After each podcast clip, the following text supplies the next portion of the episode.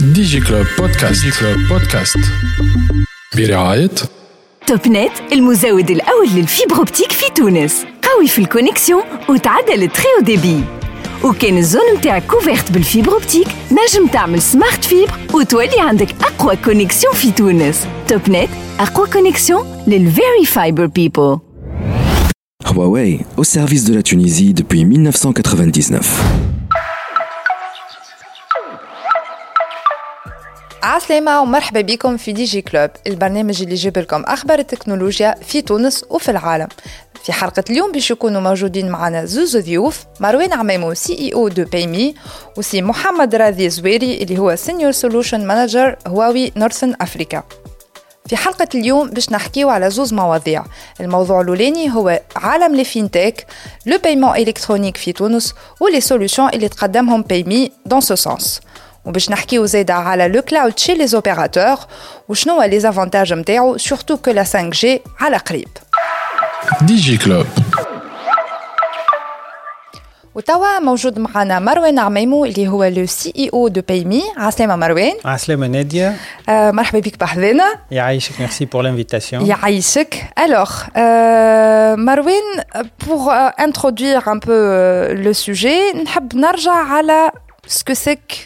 PayMe شنو تعمل بالضبط comme euh, on peut on peut dire que c'est une start-up toujours معناها très bien donc, donc باش euh, نحكيو على PayMe اليوم Oui, خاطر tout à PayMe fait. على أول ما بدات c'était euh, une autre chose complètement Est-ce qu'on peut faire un rappel justement des débuts de PayMe PayMe في 2018 كانت un porte-monnaie électronique معناها ابليكاسيون موبيل تحل l'application تصنع un compte تحط فيه فلوس ومن بعد تصرف منه. Le but était 100% euh, pour aider au décaching. باش D'accord. نقصوا من الفلوس اكبر مشكله في في تونس توا كو سو سوا نخصم للفالوريز الفلوس معناها الكاش اسبيس هاي داكور خاطر البنك سنترال قاعدة تطبع في الفلوس باش الايكونومي تدور كي نطبعوا الفلوس فما الفالور تاع الدينار تزيد تطيح اشاك فوا آه، اليوم بايمي بور دي ريزون ريغلومونتير تبدلت باش تكون ان موين دو بايمون ان ليني داكور الفيزيون نتاعنا هو انه نسهلوا لو بايمون ان ليني بور توت انتربريز عندها سيت ويب وابليكاسيون موبيل والا ما عندهاش كومبليتمون آه عملنا لهم دي فونكسيوناليتي بالنسبه للي ما عندهمش pour envoyer des liens de paiement للي كليون نتاعهم داكور آه فما دي انتربريز يبيعوا توتالمون على فيسبوك مثلا Euh, les agences de voyage kiff kiff pour euh, valider une réservation. يبعثوا des liens de paiement. Euh, de deux, le QR code اللي صنعناه c'est pour remplacer le TPE. نجموا نحكيو على les cas d'utilisation من بعد. داكور Euh, et le cœur de métier الاولاني نتاعنا هو un, une solution facile à intégrer dans un site web ou l'application mobile. على خاطر البيزنس كي يحب يحط آه، يقبل بايمون ان ليني يلزمو يمشي للبنك نتاعو اي يباس آه، شهر شهر ونص باش يكمل البروسيدور Très bien. Alors, Anna, je veux revenir un peu en arrière. Mm pour des raisons réglementaires. Ouais. Donc, vous êtes passé من الحكاية متاع portefeuille معناتها électronique, on peut dire ça comme ça, Oui. Euh, à une solution euh, de paiement basée sur un QR code, c'est ça? Sur les cartes bancaires. Sur les mhm. cartes paiement bancaires. en ligne. D'accord. Ben, Mais, allez, qu'est-ce qui s'est passé au juste? Alors, احنا, on a lancé en 2018. Fin 2018, il y a eu la promulgation de ta circulaire, le Banque centrale. Oui. اللي تقول شنو معناها un établissement de paiement. D'accord. وين احنا الاكتيفيتي نتاعنا تدخل فيها كومبليتمون انه اون جير دي دي كونت نتاع دي انديفيدو كل واحد قداش عنده فلوس يصب فيها فلوس يخلص بها انسي دو سويت il y a des conditions باش نجموا نكملوا l'activité اللي هي D'accord. l'obtention تاع licence D'accord. ولا agrément d'établissement de paiement les conditions هذم on n'a pas pu y répondre Euh, pour plusieurs raisons واحدة منهم وأكبر واحدة هو أنه يلزم un capital de 5 millions de dinars في D'accord. ستارت اب كما تعرف عندنا 6 شهور ولا 8 شهور من اللي بدينا pour faire une levée de fonds تاع 5 millions de dinars il faut avoir معناها هيستوريك كامل Tout à fait.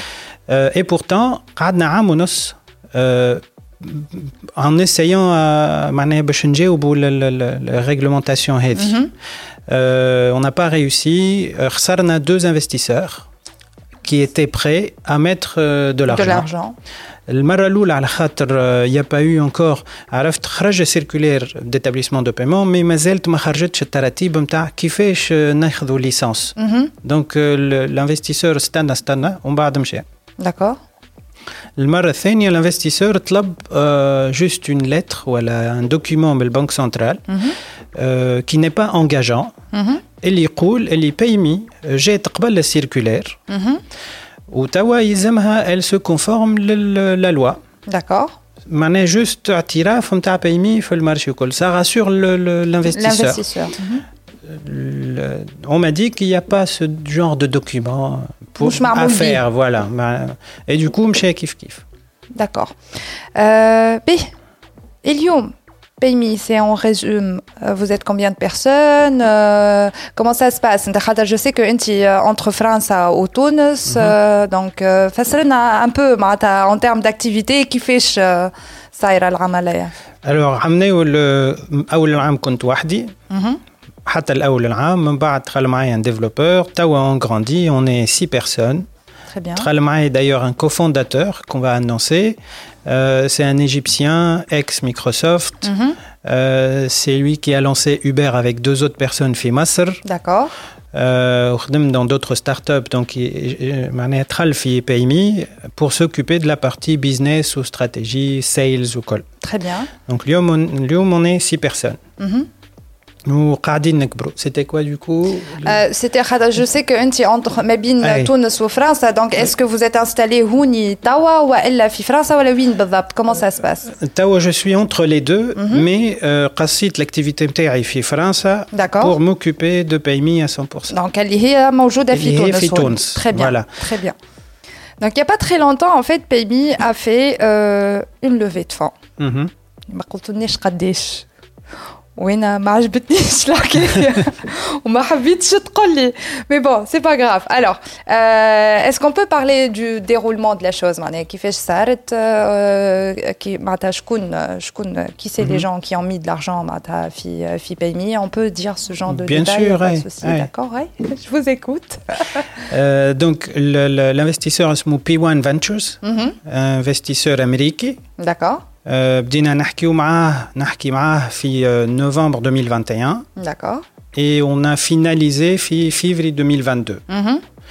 Euh, le temps de faire les due diligence نتاعهم وباش يتاكدوا من الاكتيفيتي نتاع بايمي بي وان فند علاش انفست في بايمي زاد خاطر يفيز لي مارشي افريكان Mhm. معناها لي ستارت اب اللي يخدموا في افريقيا و- آه، الكلها euh, pour finaliser l'investissement rêve, Hallin a un siège en Hollande.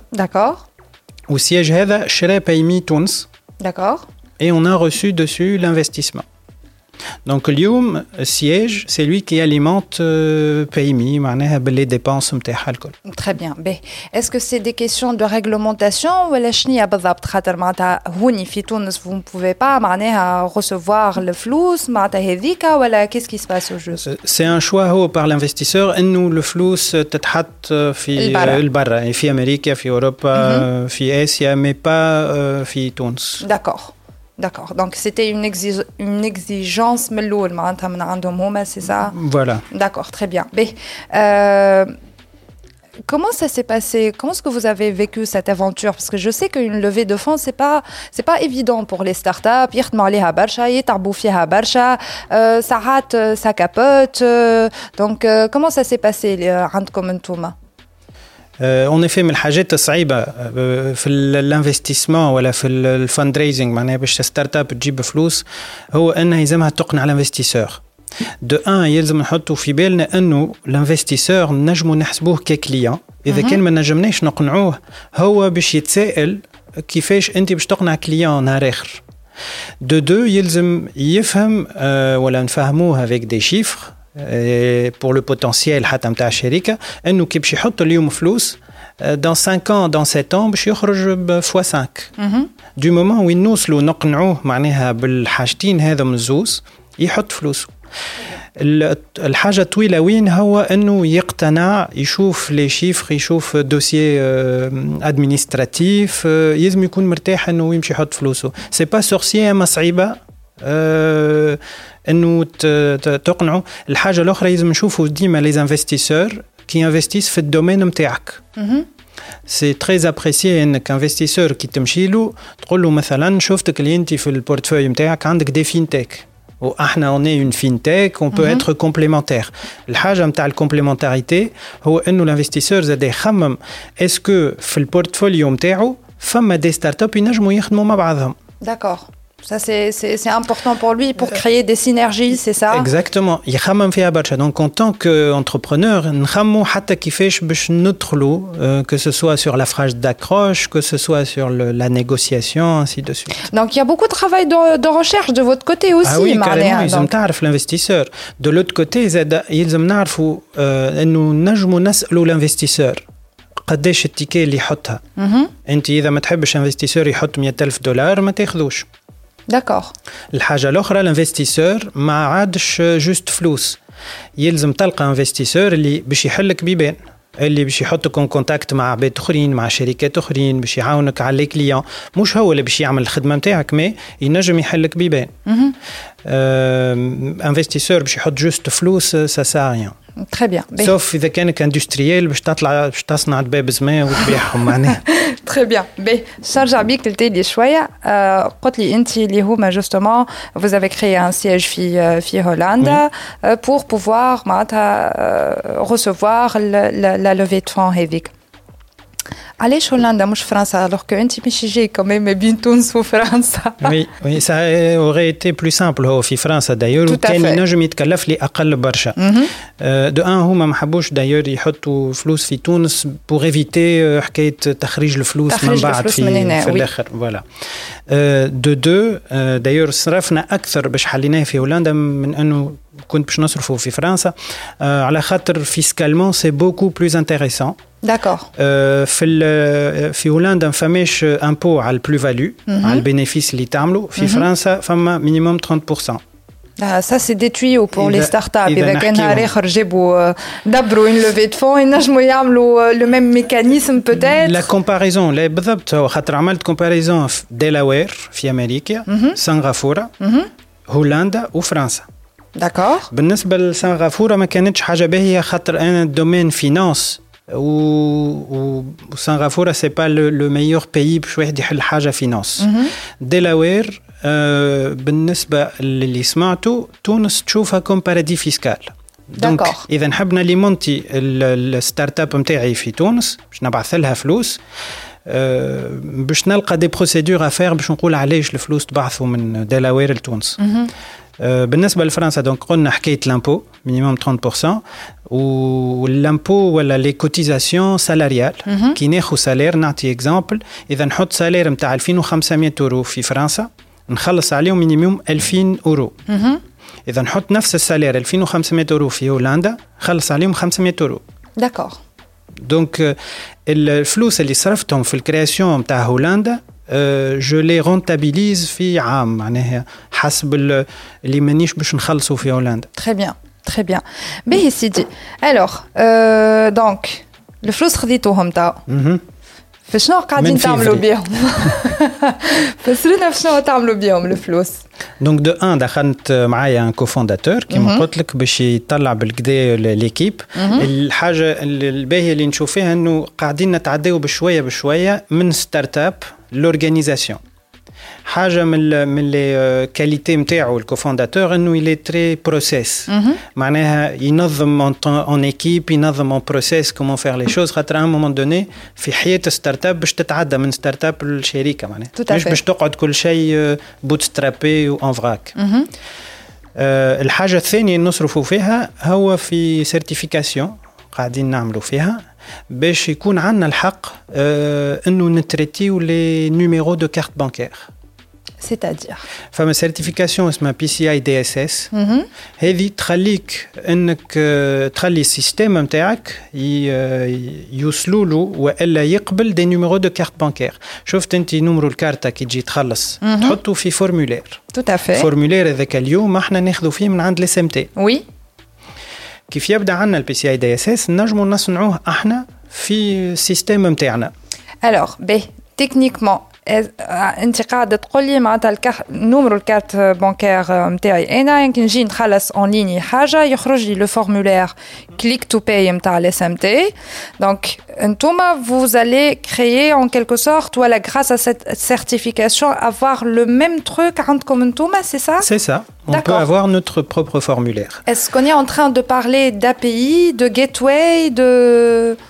Alors بالفورمولير نجموا نستعملوا l'API نتاع الاس ام تي وقتها نوليو احنا on récupère les numéros Ouais. ونبعثوهم par API الاس ام تي في D'accord. عوض ما نفيشيو الفورمولير بيدو نتاع الاس ام تي D'accord, واضح, très bien. B, euh, à part cette certification donc, agrandir l'équipe oui, باش نلوجوا دايوغ على دي لوكو بلو غران توا خاطر في تونس؟ في تونس في اللاك في اللاك بلو بريسيزيمون ليكيب تكبر بالكدا en fait en développement sales euh, produits et finance très bien.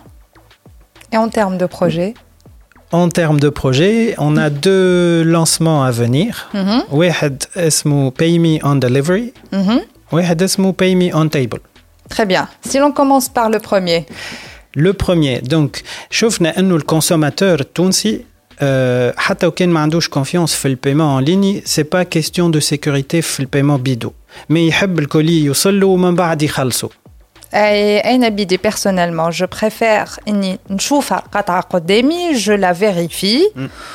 ولا bon, honnêtement, كان الليفرور هذاك مثلا يجيني بتي بي او certainement كنت نخلص كارت بانكير sauf que en majorité ما يدوروش بتي بي او معناها دونك تاخذ ال- الكولي نتاعك آه، يا تعطيه آه، تعطيه الكاش ويسرح على روحه Euh, je te parle mon, de mon expérience personnelle Marouane على خاطر euh, des fois, ben, je me rappelle une fois, معناتها, j'ai commandé euh, حاجة, je l'ai fait euh, livrer عند خويا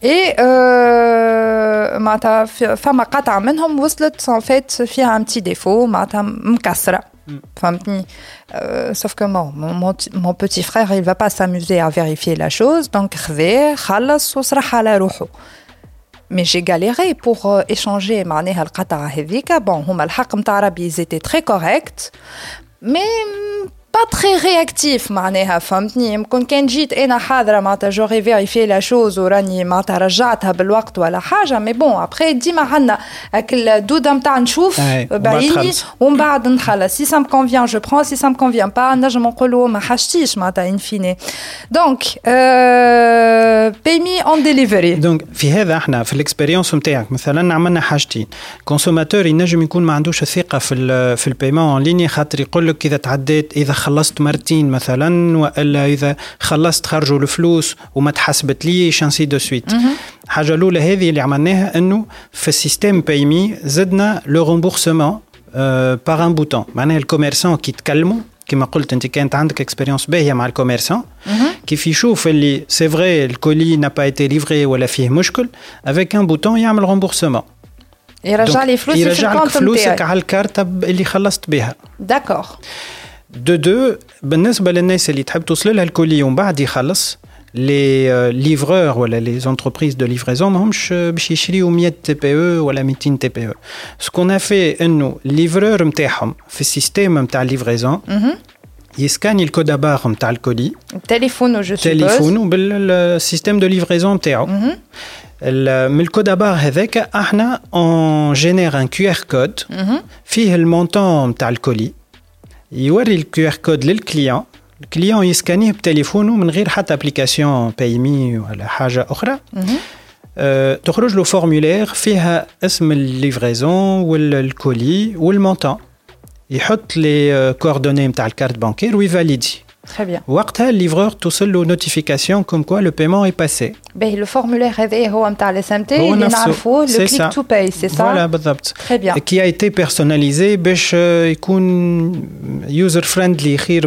برشا من ال- من الفورمولير ستاندار انه حتى كي تجي تعمر مثلا في الشون تاع نمرو الكارتة يخرج لك كان الكلافيي نتاع نمرو الكارتة ما تخرجكش كلافيي الفا نوميريك Ah, d'accord. vous êtes en train de me dire, le, formulaire en question, il a été.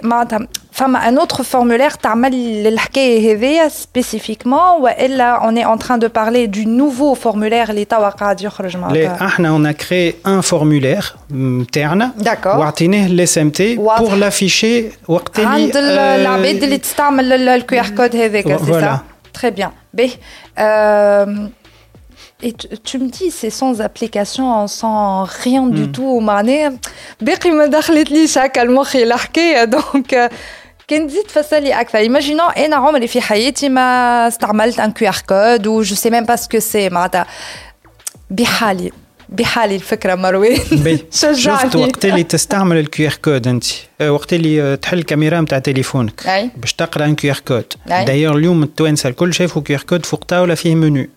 جو بونس Euh, oui, il y a des restaurants فيهم effectivement. بدينا نفهموا شنو الكيو ار كود ان كيلكو سورت انه تصوروا بالكاميرا نتاعك يخرج لك ان ليان Tout à fait. كيما ان تكليك ليان عليه دو تنجم باج تلقى فيه المنيو نتاع ال- تكليك فوالا ل- في الكام تاعنا تكليكي عليه يخرج لك الفورمولير دو بايمون الفورمولير دو بايمون هذا كيف ما قلنا انه يوزر فريندلي مي اوسي كيف يبدأ عندك ايفون تنجم تصور ال- الكارت بانكير نتاعك اي سا بري رامبلي الفورمولير وحده.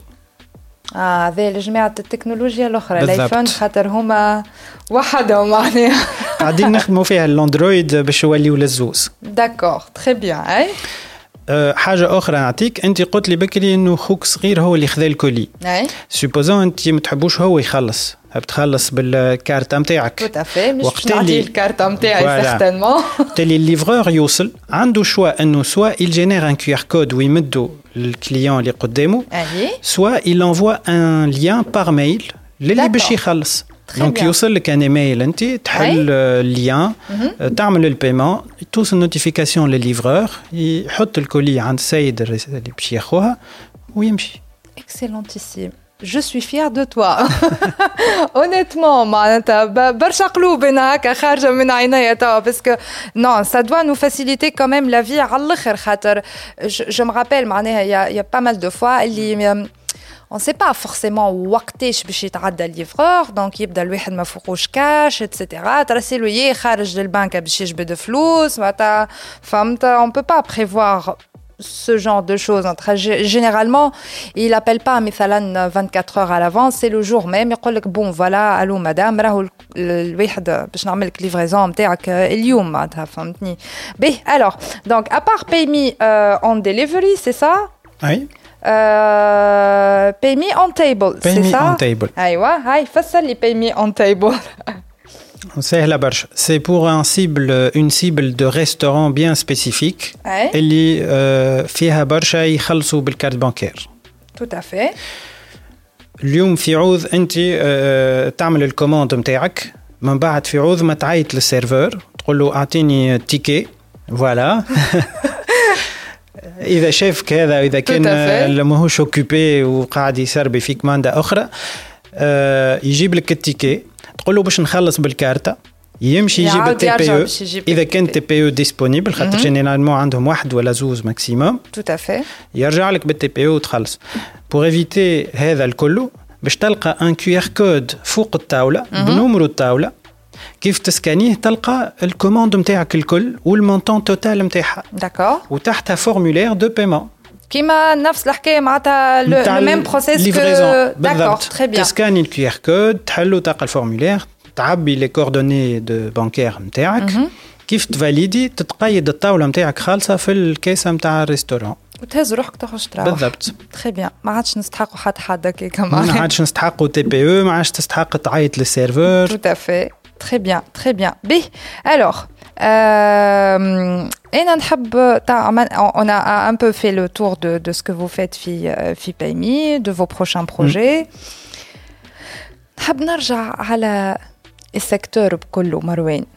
Comment se porte le paiement électronique Fitouns Est-ce que Hassit ou Elifama, euh, parce que ah, je sais que depuis le Covid, on parle justement d'un boom de commerce électronique, on parle d'un boom de paiement électronique. فما ناس معناتها فهمت شنو الحكاية هذه ولات justement تستعمل الكارت بانكير نتاعها أكثر باش تخلص فاتوراتها باش pour recharger le téléphone, etc. انت quelle est ta perception كيفاش est-ce que tu as ressenti معناها cette évolution ou pas du tout Carrément, en fait, selon les chiffres. Qabal 2018, ken le, paiement en ligne ne dépasse pas 5% sur les sites e-commerce. Tawala hasb les sites e-commerce, il mieux sur 15-20%. Très bien. Femme des sites n'arafom 99% e-commerce, paiement en ligne. بعد تو بعد 2018 هذا بعد الكوفيد سورتو كل شيء ولا enfin relativement oui كل شيء ولا شنو كل شيء ولا اون ليني معناها الناس الكل ولات تحب تخلص بالكارتة نتاعها استسهلناها خاطر ا مومون دوني في الكوفيد ما عندناش حل اخر كان تخلص Tout à fait. Avec le confinement, etc., on était obligé en quelque sorte. Exactement. Ce qui fait انه الكونسوماتور التونسي كي تحطه تحت في سيتوياسيون وين il est obligé d'utiliser une techno يستعملها.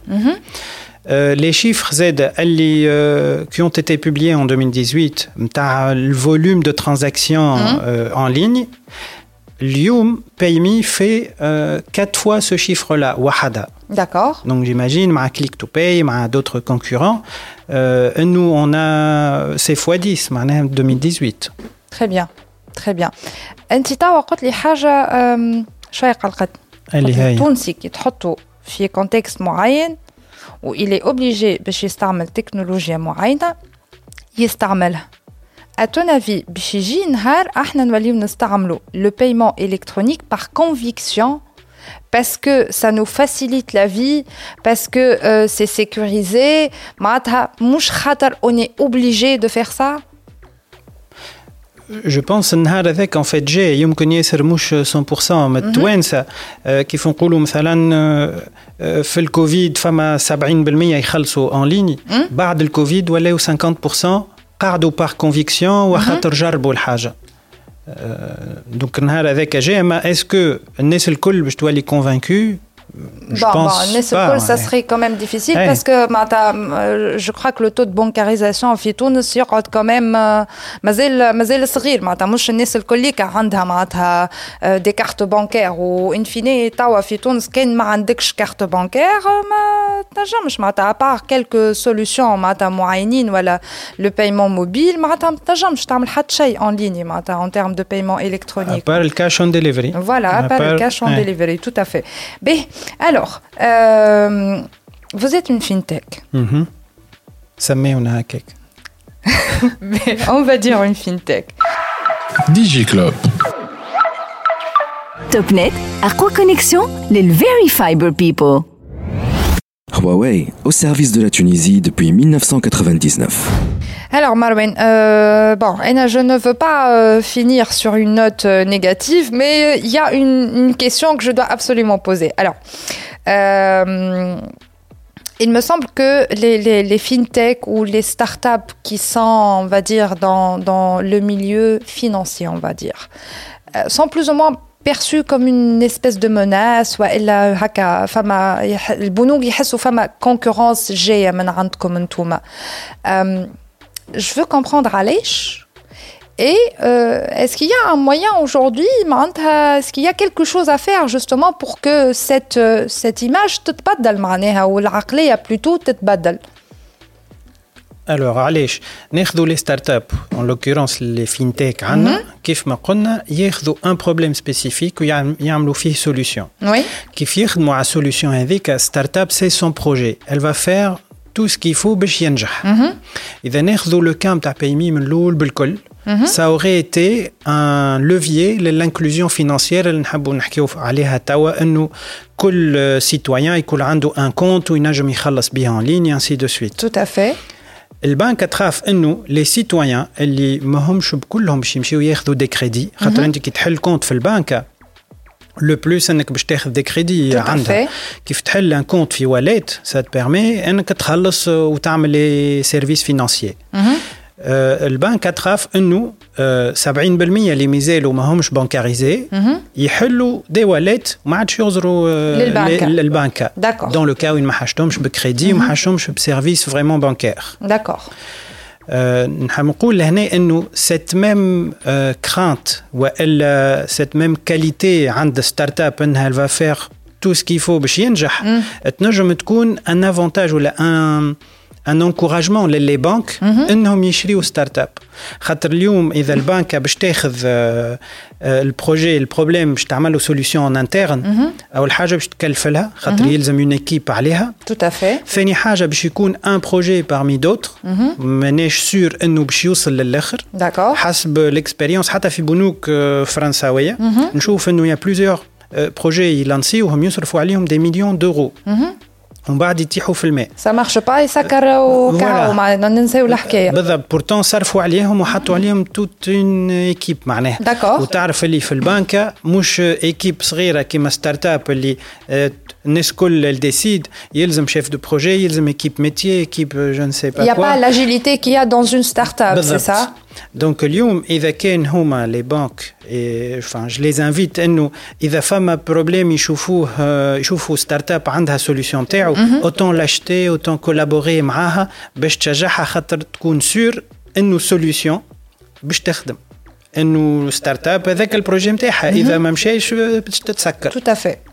tout à fait. Mais sinon, en termes de réglementation, est-ce qu'il y a d'autres choses à faire à Lyon, pour euh, développer davantage euh, les fintech Il y a un manque à gagner en fait في l'entrée en devise لتونس. نعطي l'exemple من البوان دو فيو بتاع بايمي. انه اليوم احنا علاش آه، عندنا اكثر من 450 مارشان مثلا جاوا عندنا وعندنا شكون حتى اللي كان عنده كليك تو باي معناها عمل ديمارش نتاع شهر ونص اي بورتون جا عندنا خاطر لقى الرامبورسمون بلو سامبل خاطر لقى سوبور كليون بلو سامبل كي تصير مشكله ان فيت عنده ريكلاماسيون يكلمنا اذا تصير له مشكله هو مع البنكه الكونسيي مش الكلهم مؤهلين إنهم يفهموا كيفاش البيمون بالضبط يخدم باش يجاوبوا. أم، دونك لهنا عندنا دي مارشان اللي يحبوا يبيعوا لبرا. دونك يكسبورتيو. ويلزمهم يعملوا نفس الديمارش مع البنوك. اي دوكو أسهل لهم إنهم يتعداو بايمي سوف كو اليوم on n'est pas autorisé إنه نقبلوا إحنا tous les paiements en devise au nom de notre client. D'accord entre autres احنا نقبلوا les paiements en devise وبعد نبعثوا لهم فلوسهم en devise ça on peut pas le faire D'accord خاطر ما نجموش نعملوا فيرمون في وسط تونس مي اذا كان نجموا نعملوا اون ديروغاسيون اون اوتوريزاسيون سبيسيفيك للخدمه هذه بالذات آه، il y a autant de il y a beaucoup de commerçants à Libye ou Barra, que ce soit service informatique, service euh, sticharat, peu importe, mm. on a des compétences fitouns euh, belgdé. Mm -hmm. Ou elle a des produits du terroir, des produits artisanaux, Tout à fait. Ils euh, en moins d'une journée, ils le paiement en ligne à travers PayMe mm -hmm. ou ils le paiement en devise. Très bien. B. Euh, donc, هذا pour, euh, pour la question نتاع ال- نتاع دي- devise. Donc, est-ce qu'il y a d'autres d'autres obstacles peut-être اليوم لازم يتحلوا لازم معناتها نشوفوا فيهم حل في الفينتك جو بونس حاجه مثلا نجموا نردوها بلوز اجيل هي الساند بوكس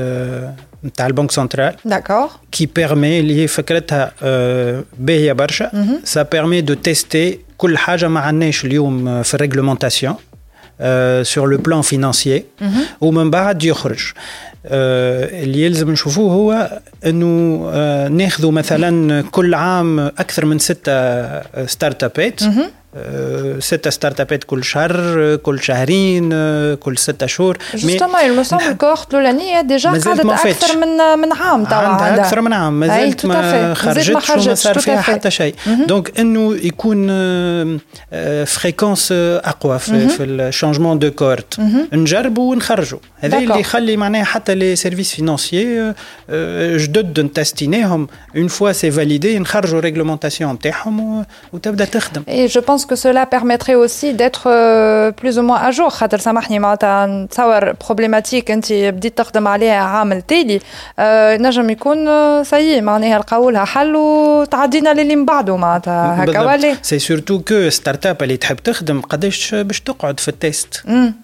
تحب تخدم حتى هي وتخرج على المارشي وتكون رونتابل تو افي تري بيان به لو مو دو لا فان مروان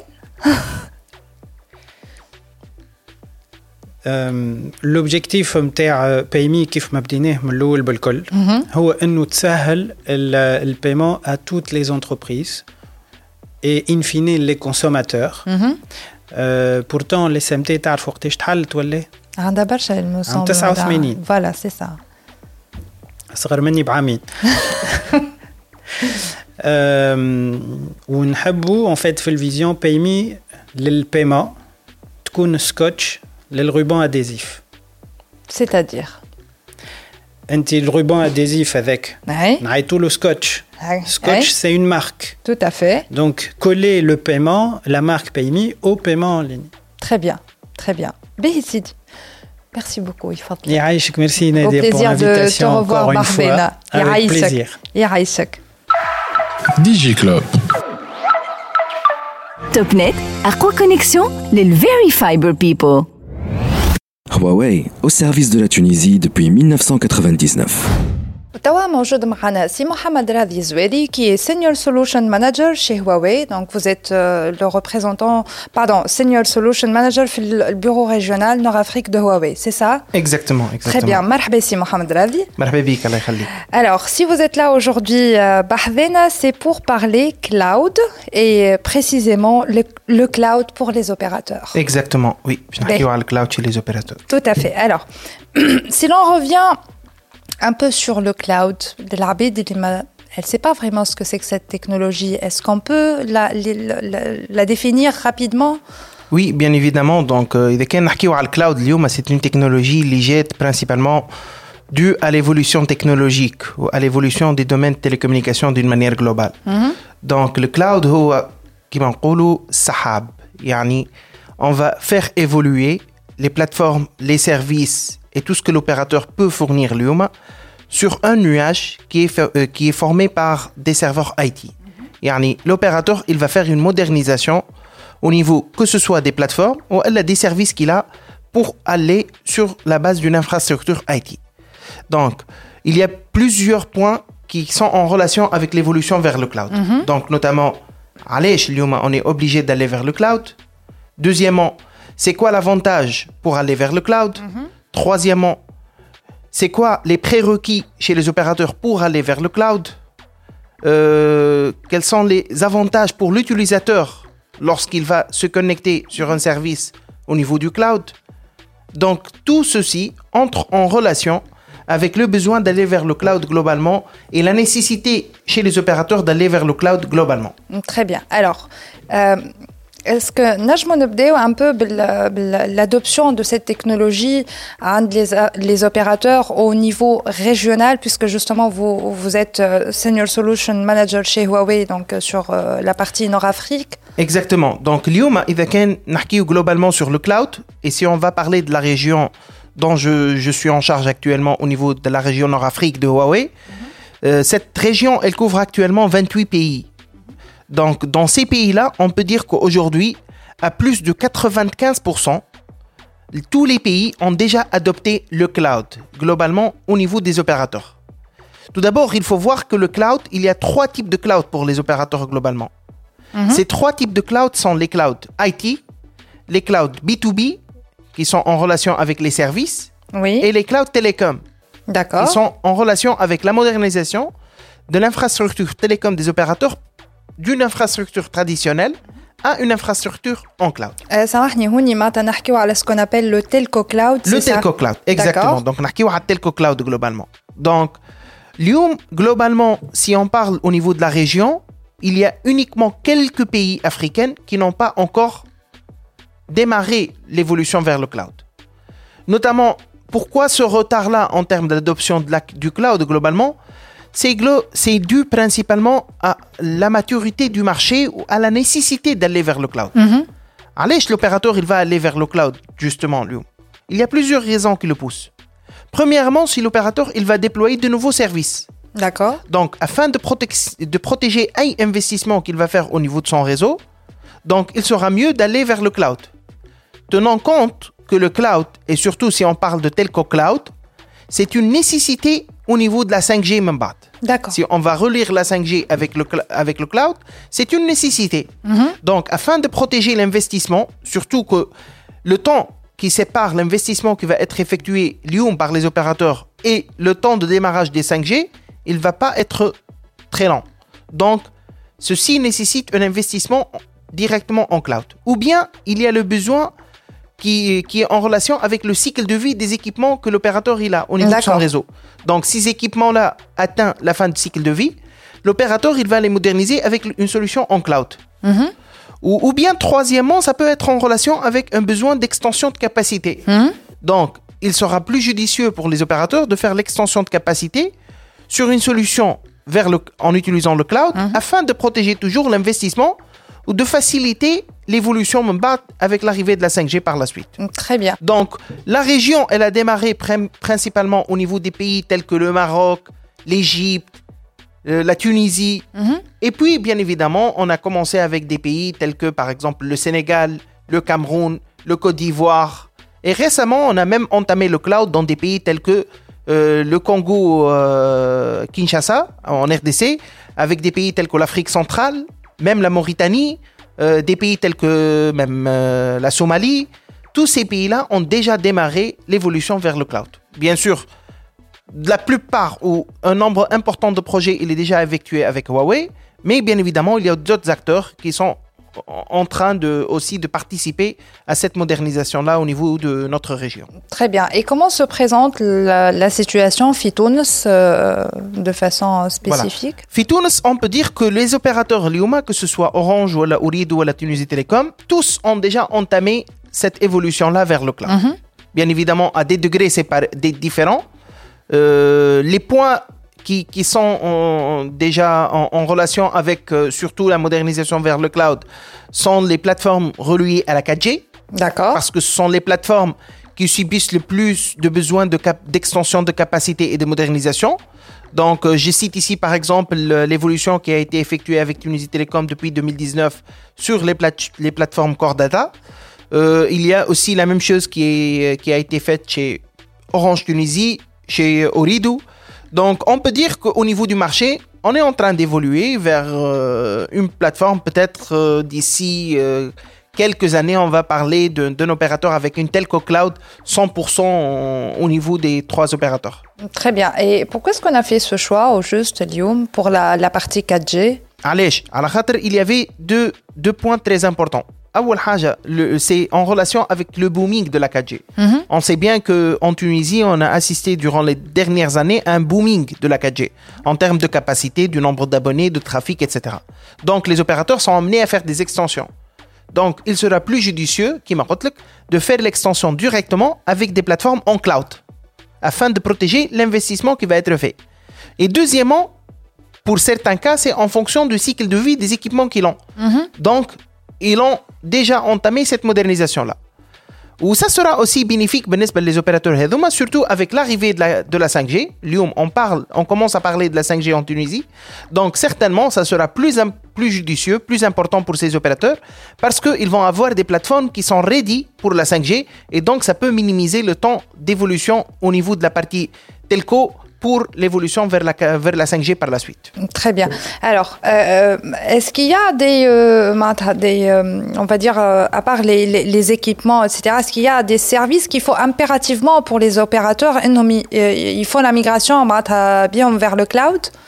Bien évidemment. On est les opérateurs, lorsqu'on va parler de cloud, comme on a dit au début, il y a trois types de cloud. Il y a les clouds IT, B2B et telco. Mm -hmm. Donc, L'adoption aussi des clouds tels que par exemple les clouds B2B amène nous, on va parler par exemple de déploiement de value added service au niveau du cloud. Oui. Chez Huawei, on l'appelle par exemple le VAS Cloud. Mm -hmm. Donc les opérateurs aussi, certains opérateurs ont déjà entamé cette démarche-là pour moderniser les plateformes euh, de services vers des plateformes cloud. Mm -hmm. La plateforme IT aussi, elle est bénéfique parce qu'elle va permettre les opérateurs de donner par exemple le storage as a service, euh, par exemple les VM as a service pour les entreprises par la suite. Donc ça peut aussi donner une certaine flexibilité. بالنسبة l'adoption des services IT pour les petites et moyennes entreprises qui n'ont pas réellement besoin de déployer une plateforme ou un data center chez eux. C'est pas c'est pas rentable du tout pour une petite entreprise de faire cette démarche là. Donc ça sera plus facile d'adopter ceci chez l'opérateur directement. Oui. Donc Lyon aussi cette démarche là elle est en cours en Tunisie aussi. D'accord. Certains opérateurs ont du VAS en cloud, ont aussi adopté le cloud pour la partie IT. Donc c'est un marché que on peut dire Lyon, il est en cours d'évolution globale à- sur les trois niveaux de cloud au niveau des opérateurs. Très bien. Et Kotli euh, euh justement, il est pour, euh, pour la 5G, il va falloir quand même aller vers le cloud. Exactement. Allez, je Allez. Alors, si on regarde au niveau des standards pour la 5G, mhm. vous savez très bien, il y a deux versions au niveau du standard. Il y a la release 15 et puis il y avait la release 16. Mhm. Et aussi la release 16 qui jette, elle est venue avec des services qu'on les appelle les services euh, à connectivité massive, oui. MMTC, ou bien les services à très faible latence. Mhm. Donc, l'IOM, si on veut aboutir à, cette, à ce type de contrainte de qualité de service, la faible latence ou bien le débit uplink ou bien downlink qui est très élevé, donc, on doit changer l'architecture du réseau. L'architecture traditionnelle que les opérateurs ont a, par exemple, de localiser deux data centers pour desservir tous les nombres d'abonnés par exemple, imaginez que demain, on va fournir un service pour une entreprise qui est située à Armeda. Donc, si elle nécessite un service à faible latence, le parcours que fait le service entre la localisation au sud et le data center qui existe au niveau de Sfax ou soit la Tunis, les trois pratiquement emplacements où les opérateurs, ne permet pas d'avoir cette faible latence. D'accord. Donc, l'IOM à la 5G, du fait qu'elle vient avec des besoins très élevés en termes de QoS, nécessite une nouvelle architecture, donc l'utilisation du cloud. علاش على خاطر le cloud يعطينا l'agilité. يعطينا la flexibilité. Donc, on peut déployer d'une manière agile, flexible. Et on peut augmenter la capacité d'une manière plus rapide, sans avoir besoin à changer de, de, de, de, de hardware ou ajouter de site. Donc, avec Alaychilium, la 5G nécessite automatiquement le cloud parce que le besoin de service nécessite ceci. Donc, vous êtes en train de me dire autrement, c'est que euh, pour pouvoir plus ou moins euh, bénéficier en quelque sorte du plein potentiel de cette 5G, il faut absolument aller vers le cloud. Exactement, exactement automatiquement. Si on va bénéficier du potentiel de la 5G, surtout qui n'a release 16 avec les services à très faible latence ou les services à connectivité massive, automatiquement ils amènent le cloud. On ne peut plus utiliser. Ou d'ailleurs, c'est la démarche qui a été utilisée au niveau des pays où la 5G est les plus avancée. Mm-hmm. des pays tels que les pays au niveau de l'Asie, au niveau du Moyen-Orient, au niveau de l'Europe, au niveau de l'Amérique du Nord. Donc tous ces pays-là où la 5G il, est en phase plus avancée que notre région. Mhm. Donc, ce sont des pays qui ont déjà commencé le cloud depuis plusieurs années avant nous. Donc, l'IOMA, ces, opérateurs-là ont des réseaux qui sont déjà en cloud et qui sont en train de l'exploiter pour la 5G. Très bien, je suppose donc qu'on a des retours d'expérience en quelque sorte sur ça. Exactement. Avec Alech l'IOMA, le message qu'on est en train de partager avec les opérateurs, même au niveau de, la Tunisie ou euh, pour moi au niveau de la région, c'est le retour d'expérience. Mhm. C'est les exigences que les opérateurs doivent avoir au niveau du cloud. خاطر Certainement, à travers l'expérience que les opérateurs ont, on va découvrir شنو هو les contraintes ou bien les besoins dont, dont on doit tenir compte pour le déploiement du cloud. Notamment la fiabilité. Notamment, مثلا, au niveau de, de, de l'architecture qui est nécessaire en- au niveau du cloud. L'automatisation qui doit être faite. Pour, pourquoi l'automatisation elle est importante Parce que lorsqu'on va aller vers le cloud, on va mixer deux concepts. Un concept IT et un concept telco. Donc, aujourd'hui, généralement, tu vas trouver des ingénieurs IT ou elle, des ingénieurs télécom. Mais tu ne trouves pas un ingénieur qui combine les deux aspects en parallèle. Donc, le fait de combiner ceci, on doit avoir un nouveau skills qui doit être déployé au niveau même de celui qui fait le design ou l'ingénierie ou l'exploitation Vous êtes en train de parler de réseaux. monter en compétences pour... euh, Exactement. Donc, c'est tout un, c'est c'est, euh, c'est un changement même au niveau de l'organisation de l'opérateur des fois pour accompagner le, le mix qui va être effectué entre IT et CT au niveau de, de- du déploiement des, des réseaux télécoms en BAT. Donc, il y a plusieurs points dont on est en- euh, que, que nous sommes en train de voir chez les autres opérateurs Ou on essaie de partager avec les opérateurs de notre région pour tenir compte de ceci dans l'exercice qui va être effectué, dans le design qui va être choisi, dans l'implémentation, dans euh, les spécifications du cloud qui va être déployé afin de protéger toujours l'investissement. Très bien. Et quelles sont justement les, euh, recommandations qui, qui, sortent euh, de ce retour d'expérience? Ok, donc si on, va se focaliser sur trois points très importants. Mhm. Le premier point, c'est la fiabilité. La fiabilité, c'est la recommandation numéro un. Allez, mhm. parce que le cloud, il est associé à la 5G. Tout à fait. On est à la 5G, elle vient avec de nouveaux services qui ont des besoins très stricts en termes de SLA مثلا اذا كان نحكيو على الهيلث كير والا نحكيو مثلا على دي سيرفيس كي لو لو لايف برودكاستينغ etc. Donc ces services-là ont des contraintes très élevées en termes de QoS. Donc, YELSM, automatiquement, le réseau qui va être déployé permet d'assurer ce besoin-là en termes de QoS presque à temps réel. Donc, on doit avoir une fiabilité très importante. On doit changer de mode d'opération. Mhm. C'est un mode proactif. Lyon, par exemple, quand est-ce que l'opérateur il va réagir à une, une réclamation Une réclamation. Il va recevoir une réclamation. Donc à ce moment-là, on va commencer à diagnostiquer pour résoudre le problème. Oui. Sauf que à la 5G, on ne peut plus faire ce modèle-là. On ne peut pas attendre qu'il y ait une dégradation pour traiter. Il faut anticiper. On doit anticiper. D'accord. Donc c'est pour cela qu'on a besoin de l'automatisation. Mhm on, doit, on, parle de plus en plus aujourd'hui de l'intelligence artificielle. Tout à fait. Et l'utilisation de l'intelligence artificielle au niveau du traitement du, réseau, en termes de gestion de QoS, en termes de gestion de, problèmes, etc. Donc, l'IOMA, la, la contrainte numéro un, c'est la fiabilité. La contrainte numéro deux, c'est l'architecture même si on est en train de déployer aujourd'hui pour la 4G, mhm. il faut que l'architecture soit ready pour la 5G. D'accord. Pour protéger l'investissement qui va être effectué par les opérateurs Lyon, parce que c'est un investissement qui va durer en temps. Et donc, on doit le protéger. Mais c'est conséquent en plus. Exactement. C'est conséquent. Exactement. Infrastructure 4G, on va donner Exactement. Exactement. De plus que l'architecture, l'IG, je dis, en cloud, l'infrastructure elle est totalement nouvelle par rapport à ce qu'il a. Donc l'infrastructure, les lions les opérateurs, elle va être carrément délaissée. Mhm. On ne peut pas la réutiliser. Donc l'investissement, il est important. Il est conséquent dans la partie infrastructure, que ce soit stockage, serveur, switching, etc. Donc c'est pour cela que c'est important.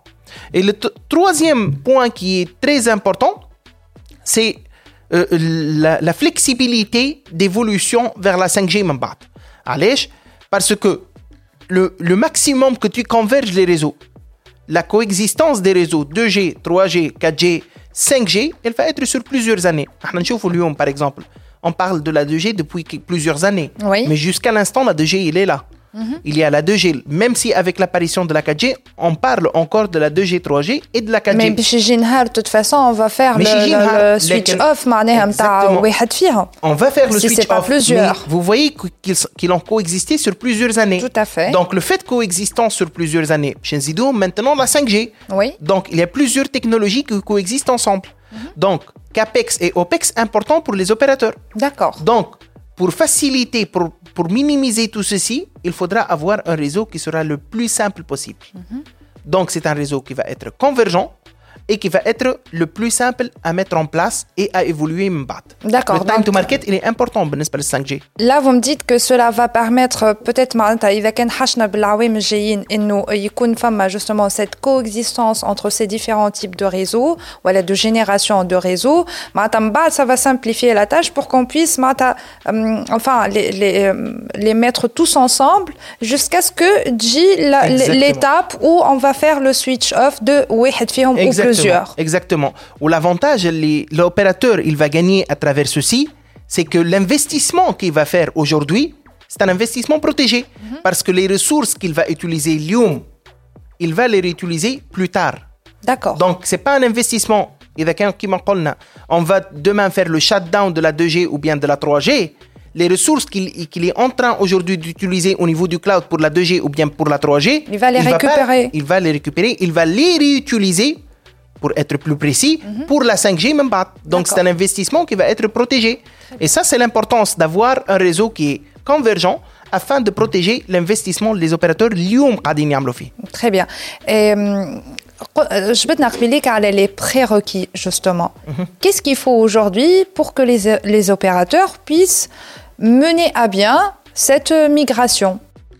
Ok, donc si on parle des prérequis chez les opérateurs, Lyon, les les premiers prérequis, ou avoir les data centers. Les Mhm. opérateurs sont amenés à construire des data centers.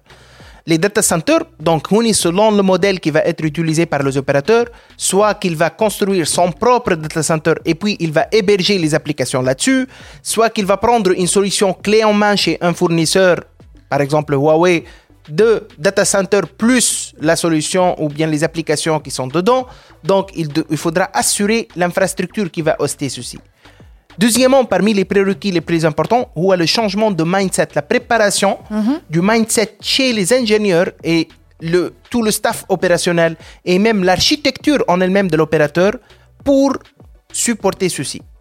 Parce que c'est c'est le point le plus important. Même si, par exemple, chez Huawei, on assure le transfert de compétences vers les opérateurs, mais il faudra avoir cette ouverture d'esprit pour pouvoir gérer à bien. Parce qu'aujourd'hui, si on va entrer dans des, euh, des salles d'équipement, euh, il est très facile de reconnaître les alarmes, les problèmes, etc. Demain, tu vas avoir un blinded, ce qu'on appelle un blinded eye.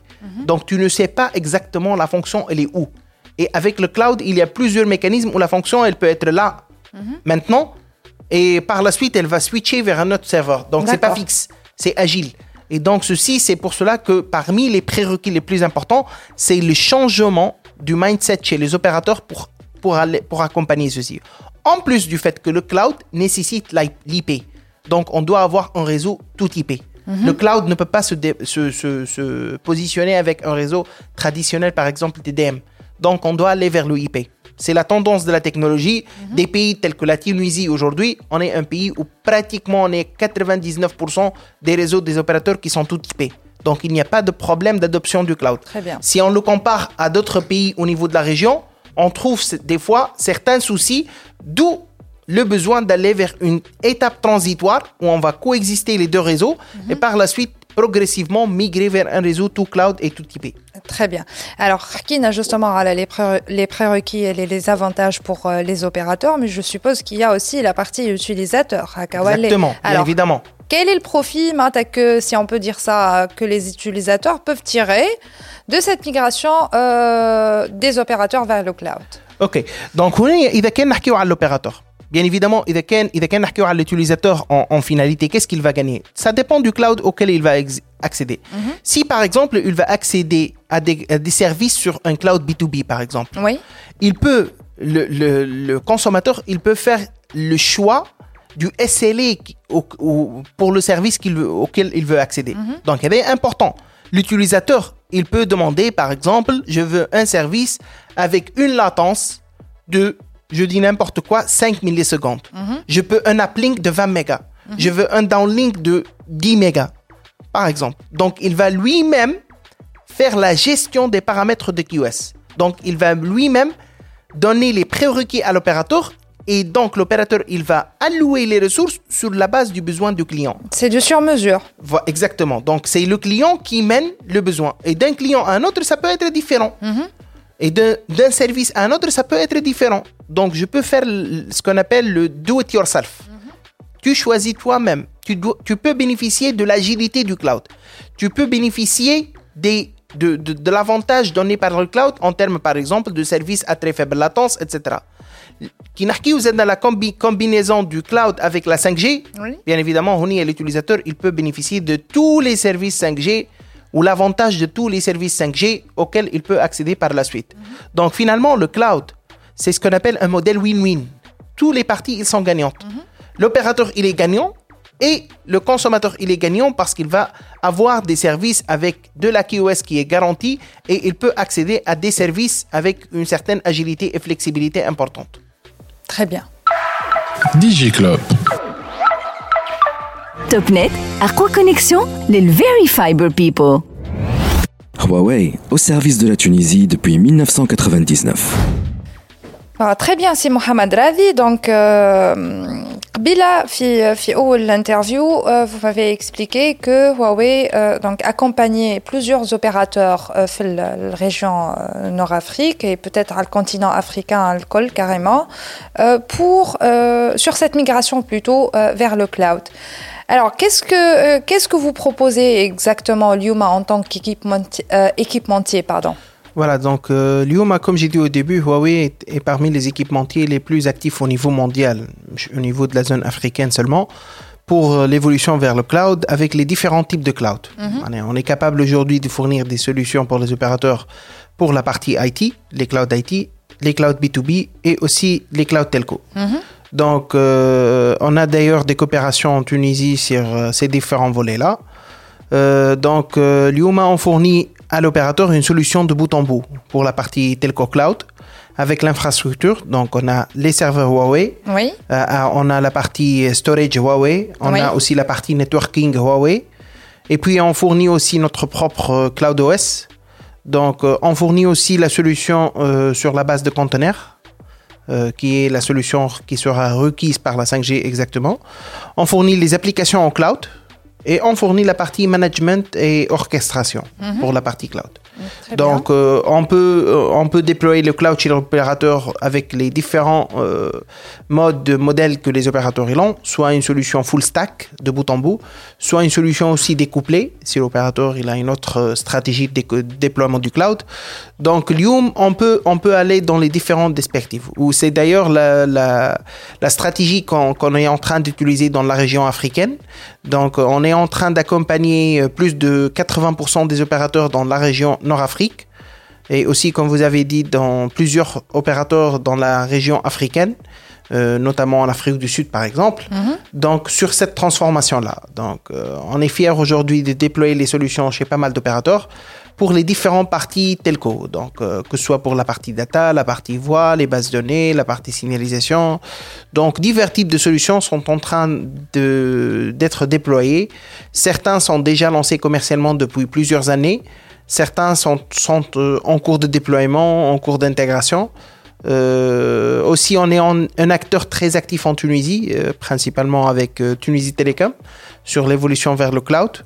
Donc, globalement, on peut dire qu'aujourd'hui, Huawei, à travers l'expertise qu'on a eue au niveau mondial, on essaie de mettre au profit des opérateurs dans notre région africaine, surtout que la 5G, comme j'ai dit, elle va arriver bientôt, peut-être à partir de fin 2023-2024. Donc, on va commencer à parler réellement de réseaux commerciaux 5G au niveau de notre région.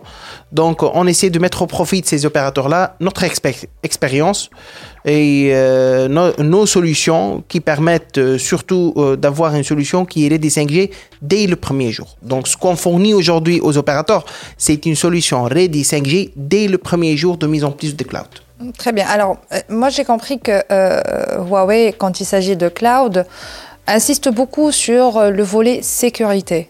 Exactement. Donc, euh, est-ce que vous pouvez nous expliquer euh, s'il y a éventuellement des standards euh, Bien évidemment, bien évidemment. Lium, comme j'ai dit au début, lorsqu'on parle de la, du cloud et de l'évolution vers le cloud, il y a des standards qui sont suivis par ceci, mhm. euh, qui sont dictés par des organisations, des organisations euh, que ce soit au niveau mondial. Donc Huawei est déjà un, acteur majeur au niveau de ces organisations-là euh, pour qui travaillent sur tout ce qui est normalisation des déploiements du cloud, donc notamment le volet sécurité. Donc euh, les solutions lorsqu'ils vont se déployer, que ce soit au niveau de la partie infrastructure, que ce soit au niveau de la partie applicative, ils doivent obéir à des standards stricts qui sont en, relation et en, en, concordance avec euh, les organisations telles que ITU, telles que 3GPP, mhm. etc. Donc euh, aujourd'hui, on a aussi des centres de certification des solutions cloud qui sont déployés un peu partout dans le monde. Qui, qui visent aussi à déployer, ces, à certifier que ces, ces solutions-là, ils vont être conformes aux normes de sécurité de différents opérateurs que ce soit aux normes de protection de solutions d'anti-intrusion, euh, que ce soit aussi des solutions de protection des données qui vont être sauvegardées au niveau du cloud, la gestion des accès au niveau des clouds, etc. Donc aujourd'hui, le volet sécurité, c'est un volet qui est obligatoirement euh, suivi par Huawei et qui est obligatoirement aussi euh, respecté dans la mise en place des solutions cloud qui vont être déployées chez les opérateurs. Très bien. Alors juste une, une dernière question qui me vient à l'esprit, parce que tout à fait, tout à l'heure, pardon, on a, on a parlé de, de la montée en compétences des ingénieurs euh, dans le cadre d'une migration euh, vers le cloud chez un opérateur. Est-ce que Huawei accompagne aujourd'hui les opérateurs sur ce volet par des formations peut-être ou Exactement. Donc, nous, dans, dans le, le, portefeuille de la solution qu'on essaie de fournir aux opérateurs, donc, il y a aussi la solution technique, mais aussi, il y a aussi les, euh, les, la mise en place des solutions. Donc, on peut aussi accompagner l'opérateur dans tout le cycle de vie de la mise en place de la solution cloud, de la phase étude design, de la phase par implémentation, intégration, de la phase test, de la phase euh, jusqu'à maintenance par la suite. Donc, dans toutes ces phases-là, on a des outils qui peuvent accompagner l'opérateur. Et après, on a aussi des formations qui peuvent être délivrées au personnel de l'opérateur dans les divers secteurs, que mhm. ce soit la phase euh, planification ingénierie, que ce soit la, la, phase design, que ce soit la phase euh, exploitation maintenance, afin de permettre cette, ce transfert de la compétence. En plus, on peut aussi fournir ce qu'on appelle un accompagnement aux opérateurs pour une durée que l'opérateur juge nécessaire, mhm. afin d'accompagner pour les premiers premier, la période initiale de mise en place de cloud. Donc, Huawei, elle peut aussi aujourd'hui assurer le rôle de ce qu'on appelle Primary Service Integrator. Elle peut assurer le rôle de Single Point of Contact pour les opérateurs. Elle peut euh, assurer le transfert de compétences pour la partie IT et pour la partie telco. Donc, tout ceci nous permet aujourd'hui de permettre à l'opérateur d'acquérir progressivement cette compétence qui est nécessaire pour la gestion du cloud. Très bien. Merci beaucoup, c'est Mohamed Ravi. Au plaisir de vous avoir parmi nous Inch'Allah. Merci beaucoup, c'est un plaisir pour moi. يعيشك. كان هذا كل شيء في دي جي كلوب اليوم نتلقاو المرة الجاية. دي جي كلوب وفات اليوم نجموا تعودوا تسمعونا على ساوند كلاود اي تيونز جوجل بودكاست وانغامي برعاية توب نت أقوى كونيكسيون للفيري فايبر بيبل Huawei, au service de la Tunisie depuis 1999.